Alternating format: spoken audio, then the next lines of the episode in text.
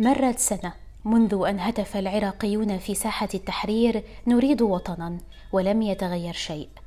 مرت سنة وما زال العراقيون يريدون وطنا وينشدون الخلاص من الفاسدين في الحكومة ويتمنون معرفة من قتل المتظاهرين العام الماضي.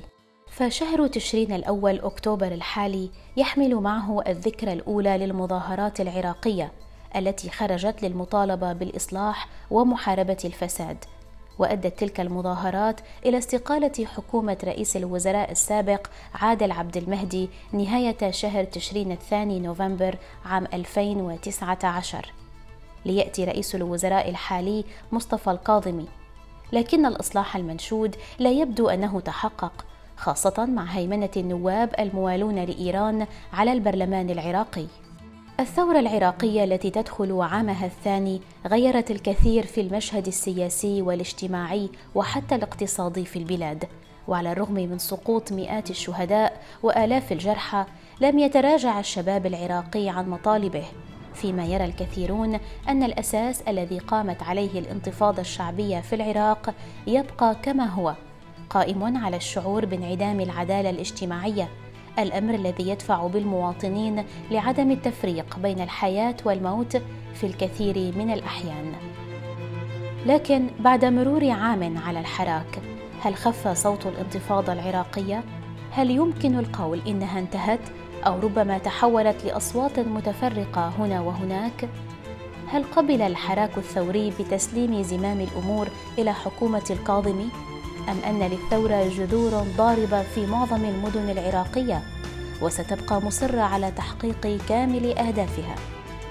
في هذه الحلقة من بودكاست في عشرين دقيقة سنتحدث عن الذكرى السنوية الأولى للمظاهرات العراقية وكيف أحياها العراقيون وكيف بدت الصورة في الشوارع العراقية بعد مرور سنة على انطلاق الشرارة الأولى للحراك أهلا بكم خرج آلاف المتظاهرين إلى ساحة التحرير ومحيط المنطقة الخضراء في العاصمة العراقية بغداد في الخامس والعشرين من الشهر الحالي وذلك لتجديد احتجاجهم على عجز السلطات عن محاسبة المتورطين بمقتل المتظاهرين وللمطالبة بتحسين الخدمات ومعالجة البطالة ومحاربة الفساد المستشري في العراق. وشهد هذا اليوم صدامات بين قوات الأمن والمحتجين عندما حاول المحتجون اقتحام المنطقة الخضراء حيث مقر الحكومة والسفارة الأمريكية قادمين من ساحة التحرير وسط العاصمة محاولين عبور جسري الجمهورية والسنك المؤديان إلى مقر السفارة الإيرانية. وأسفرت الصدامات التي تخللها رشق بالحجارة واستخدام قنابل الغاز المسيل للدموع والقنابل الصوتية عن إصابة حوالي خمسين شخصا من المتظاهرين وقوات الأمن حسب ما أفادت به مصادر أمنية وطبية. كما شهدت مدينة كربلاء في الجنوب بعض المناوشات الليلية منذ أيام حيث قام متظاهرون شباب حتى ساعات الصباح الباكر برمي الحجارة على عناصر شرطة يحتمون خلف دروع حديدية ويحملون هراوات كانوا يقومون بدورهم برميها على المتظاهرين من جديد. وعلى الرغم من انعكاسات التوتر بين إيران والولايات المتحدة وانتشار وباء كوفيد 19 إلا أن ساحة التحرير التي تعتبر المعقل الرئيسي للاحتجاجات في بغداد تحولت منذ أيام إلى قرية من الخيام التي غطت أغلبها صور ضحايا الانتفاضة فيما تجمع متظاهرون قرب المنطقة الخضراء. من جهتها حاولت السلطات الأمنية إغلاق جميع الطرق المؤدية إلى المنطقة الخضراء بوجه المتظاهرين واستخدمت القنابل المسيلة للدموع لتفريقهم. كما فرضت إجراءات أمنية مشددة وسط بغداد. الأمر الذي حال دون اقتراب السيارات من ساحة التحرير والجسور المؤدية إلى المنطقة الخضراء. وانتشرت قوات مكافحة الشغب خلف دروع شفافة سميكة لمنع انتشار المتظاهرين. كما خرجت مظاهرات مماثلة في مدن النجف والناصرية والكوت والديوانية والعمارة والبصرة وجميعها في جنوب البلاد دون تسجيل وقوع أي حوادث. كما أطلقت قوات الأمن النار في الهواء لتفريق المتظاهرين الذين تراجعوا إلى الخلف. وفي الناصرية التي تعتبر المعقل التاريخي للمظاهرات في العراق لزم مئات المتظاهرين ساحة الحبوب وسط المدينة حتى وقت متأخر خلال الليل. مرددين النشيد الوطني وشعارات داعية للحفاظ على طابع سلمي للحراك. وشهدت مدينة الديوانية مظاهرات مماثلة. حرق خلالها بعض المتظاهرين إطارات السيارات في عدد من الشوارع وسط المدينة. فيما شهدت مدينة الحلة في الجنوب صدامات مماثلة. وأطلق المتظاهرون عشية الذكرى السنوية الأولى لثورتهم مبادرة سموها علم وورده إذ قاموا بتقديم الأعلام العراقية والورود للقوات الأمنية تعبيرا منهم على حسن النوايا ولإظهار الاحترام لهم ولما يمثلونه. كما وجه المتظاهرون في ساحة التحرير بيانا إلى قيادة عمليات بغداد أكدوا فيه على التزامهم بالسلمية وعدم التخريب أو الخروج عن القانون داعين القوات الأمنية إلى فتح الطرق التي تم إغلاقها وتأمين الحماية الكافية لهم وتسهيل دخول المتظاهرين القادمين من المحافظات الأخرى وعدم قطع الطرق أمامهم. وعلى مواقع التواصل الاجتماعي تداول البعض صور الميادين التي امتلأت عام 2019 بالإضافة إلى صور الأشخاص الذين قتلوا خلال الاحتجاجات. وقام النشطاء في الفضاء الإلكتروني بالتشجيع على إحياء ذكرى ثورة تشرين بإطلاق هاشتاج بعدنا نريد وطن وهاشتاج راجع آخذ حقي. وتصدرت هذه الدعوات وسائل التواصل في العراق كما ذكر الناشطون بالمختطفين والمختفين قسريا منذ احتجاجات العام الماضي مطالبين بإطلاق سراحهم. إذ غرد أحد الناشطين على موقع تويتر قائلا إن هناك خمسة وخمسون مختطفا منذ الأول من تشرين الأول أكتوبر العام الماضي ولغاية اليوم فأين هم؟ وأطلق اتحاد طلبة بغداد عبر حسابه في فيسبوك تسمية الشرارة الثانية على المظاهرات التي انطلق بها الناشطون نحو ساحة التحرير منذ أيام مصطفى الكاظمي رئيس الوزراء العراقي كان قد استبق مظاهرات الذكرى الأولى للحراك بخطاب دعا فيه المتظاهرين إلى الحفاظ على السلمية والتعاون مع القوات الأمنية وتفويت الفرصة على من يحاولون حرف الاحتجاجات عن مسارها وإفشالها على حد تعبيره.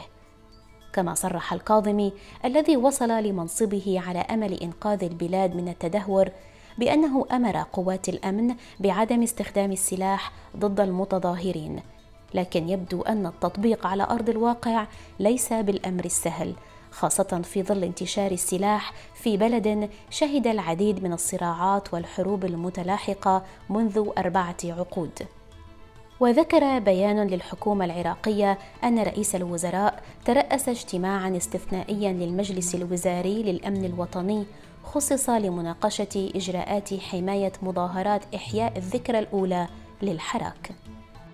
الكاظمي الذي تولى رئاسة الوزراء رسميا في السابع من أيار مايو الماضي خلفا لعادل عبد المهدي كان قد وعد سابقا بالعمل على إجراء انتخابات مبكرة منتصف عام 2021 وقال أيضا إنه سيعمل على إنصاف شهداء تشرين الأول أكتوبر 2019 وإنه سيعمل على إنعاش الاقتصاد العراقي. كما أطلق الكاظمي في شهر أيلول سبتمبر الماضي حملة واسعة لمكافحة الفساد ومحاسبة المسؤولين الكبار في الدولة.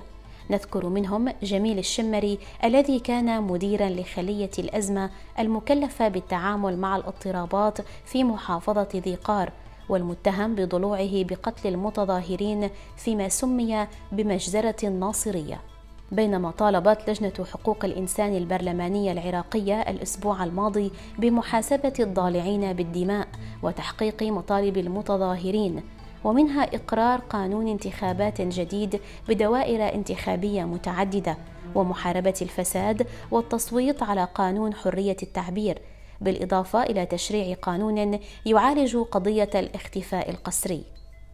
إحياء ذكرى الاحتجاجات اعتبر من قبل الكثيرين بمثابة اختبار لحكومة مصطفى الكاظمي لكن قد تكون صفة الالتباس هي أدق ما يمكن الحديث عنه في الذكرى الأولى لحركة الاحتجاج. إذ لا يزال العجز قائما في الذهاب إلى مواجهة صريحة بين الدولة والشعب فضلا عن وضع اقتصادي مترد وصل إلى حد العجز عن دفع الرواتب الحكومية. بسبب تراجع أسعار النفط الذي يمثل المورد الرئيسي لميزانية البلاد. وكسابقاتها في الدول العربية الأخرى تعرضت الثورة في العراق إلى الاستغلال والتشويه من قبل بعض الوجوه الحاكمة والجهات الخارجية التي حولتها إلى فرصة لتصفية الحسابات أو إلى سلم ليصعد عليه الانتهازيون. ضيفنا المحلل السياسي العراقي الدكتور هاشم الكندي يحدثنا عن الحراك الشعبي في العراق وكيف تحول بعد سنة من بدايته. الاحتجاجات التي بدأت في آه، تشرين من عام 2019 كانت تمثل الأمل آه، لكثير من العراقيين آه، على اعتبار أن منطلقاتها كانت للإصلاح ولتصويب الواقع السياسي. ولعلها كانت تنشد. في بدايتها واقع اقتصادي أفضل وتوفير خدمات أفضل وتوفير فرص عمل آه، من خلال إنهاء المحاصصة التي عشعشت في العملية السياسية بانتفاع الأحزاب والتي أثرت على المواطنين. ولكن سرعان ما آه، اكتشف الشعب العراقي أن التظاهرات آه، فيها تدخل وركبت موجتها من قوى دولية وتحديدا الولايات المتحدة وأيضا من قبل الأحزاب في السلطة بعضها على الأقل التي قامت بتصفية حسابات مع حكومة عادل عبد المهدي من بعض الأحزاب التي لم تكن مستفيدة من هذه الحكومة. أو من الأحزاب التي أرادت أن تكسر جرة الفشل في رأس عادل عبد المهدي وتخرج هي بدون أن يوجه لها النقد. وأما الولايات المتحدة فكان لها مخطط آه، نفذته من خلال التظاهرات بإزاحة عادل عبد المهدي الذي ذهب بعيدا في اجتهاد لإنقاذ الوضع الاقتصادي العراقي بأنه آه، اتفق مع الصين اتفاق أولي. هذا الأمر أزعج الولايات المتحدة مع تصرفات أخرى ولهذا وجدت بإزاحته وجعله درسا لغيره آه، من خلال التظاهرات أمرا آه، واجبا ومهما. وبالتالي تحققت كل هذه الأمور. بالإضافة إلى أداء بعض ممن كان يعمل في التظاهرات بصفة ناشط آه، توجه نحو الارتزاق من خلال الأحزاب أو من خلال السفارة الأمريكية ليضروا بالتظاهرات من خلال سرقة جهود المتظاهرين الحقيقيين بل حتى سرقة تضحيات المتظاهرين من الشهداء. ومن الجرحى وللأسف انحرفت التظاهرات توجهت نحو اللاسلمية آه، البعض اتخذ طريق القتل والشنق وحرق آه، الممتلكات العامة والخاصة. وهذا البعض الذي هو آه، يقينا هو البعض القليل. ولكن للأسف عندما لم يواجه من قبل المتظاهرين وأيضا لم يواجه من قبل القوات الأمنية التي كانت هي متهمة آه، بدرجة كبيرة بالتسقيط من قبل الإعلام الذي كان آه، يريد أن يجعلها في حالة ضعف أمام المسيئين. وأيضا جعلها فاشلة أمام حماية المتظاهرين. وكذلك أيضا كان هنالك مخطط لم يكشف لغاية الآن للأسف باستهداف المتظاهرين والقوات الأمنية بالقتل على حد سواء. واليوم بالذكرى الأولى لعل الكثير من هذه الحقائق اكتشفت لدى المتظاهرين ولهذا لم نجد آه، مشاركة واسعة في الذكرى الأولى للتظاهرات. والأمر الآخر أنه ما نطرحه من سلبيات أو من مخططات في التظاهرات ومن سرقة لجهود المتظاهرين اتضح في الذكرى الأولى بشكل واضح. ولا زالت المطالب لعله هي بتنقية التظاهرات والإبقاء على حالتها. اليوم من اكتفى بالمصلحة أو أن الداعم له قد سحب يده ورفع يده عنه. اليوم يخرج علينا بيقول بأنه رفع خيبته أو أنه ترك التظاهر والبعض منهم هرب إلى خارج البلاد أو هرب أو سافر بأي طريقة من كان. بعد أن وصل إلى السلطة وإلى المستشاريات من سرق جهود المتظاهرين. بالتالي اليوم للأسف هذه الانتفاضة الإصلاحية سرقت وضر بها كثيرا وبالتالي لعل البقاء على المطالبات أولا بكشف قتلة المتظاهرين هو أمر مهم. وأيضا فضح من يريد أن يخدع الناس من جديد. بالتسويف عن كشف المتظاهرين لأن اليوم قتل المتظاهرين يستخدم للتسقيط ويستخدم للفتنة دون ذكر الحقيقة وبالتالي هذه واحد من الأمور الأولية والأساسية ولعل أيضا الذهاب إلى تطبيق مطالب المتظاهرين الحقيقية وهي إبعاد السلطة الحزبية عن إدارة الدولة العراقية وهذا الأمر لم يتحقق للأسف.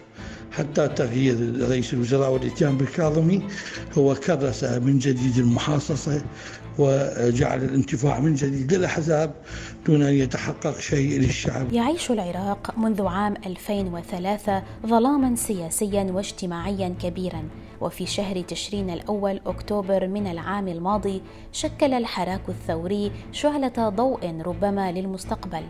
هذا الحراك الذي تمثل بمظاهرات واعتصامات للشباب العراقي تمكن من إزاحة أكبر رأس في السلطة التنفيذية في البلاد بعد تحميله مسؤولية الفشل الذريع الذي ارتبط بعهده. لكن غضب الجيل الشاب الذي اشتعل العام الماضي كلف البلاد مقتل قرابة 600 متظاهر وإصابة حوالي 30 الفا.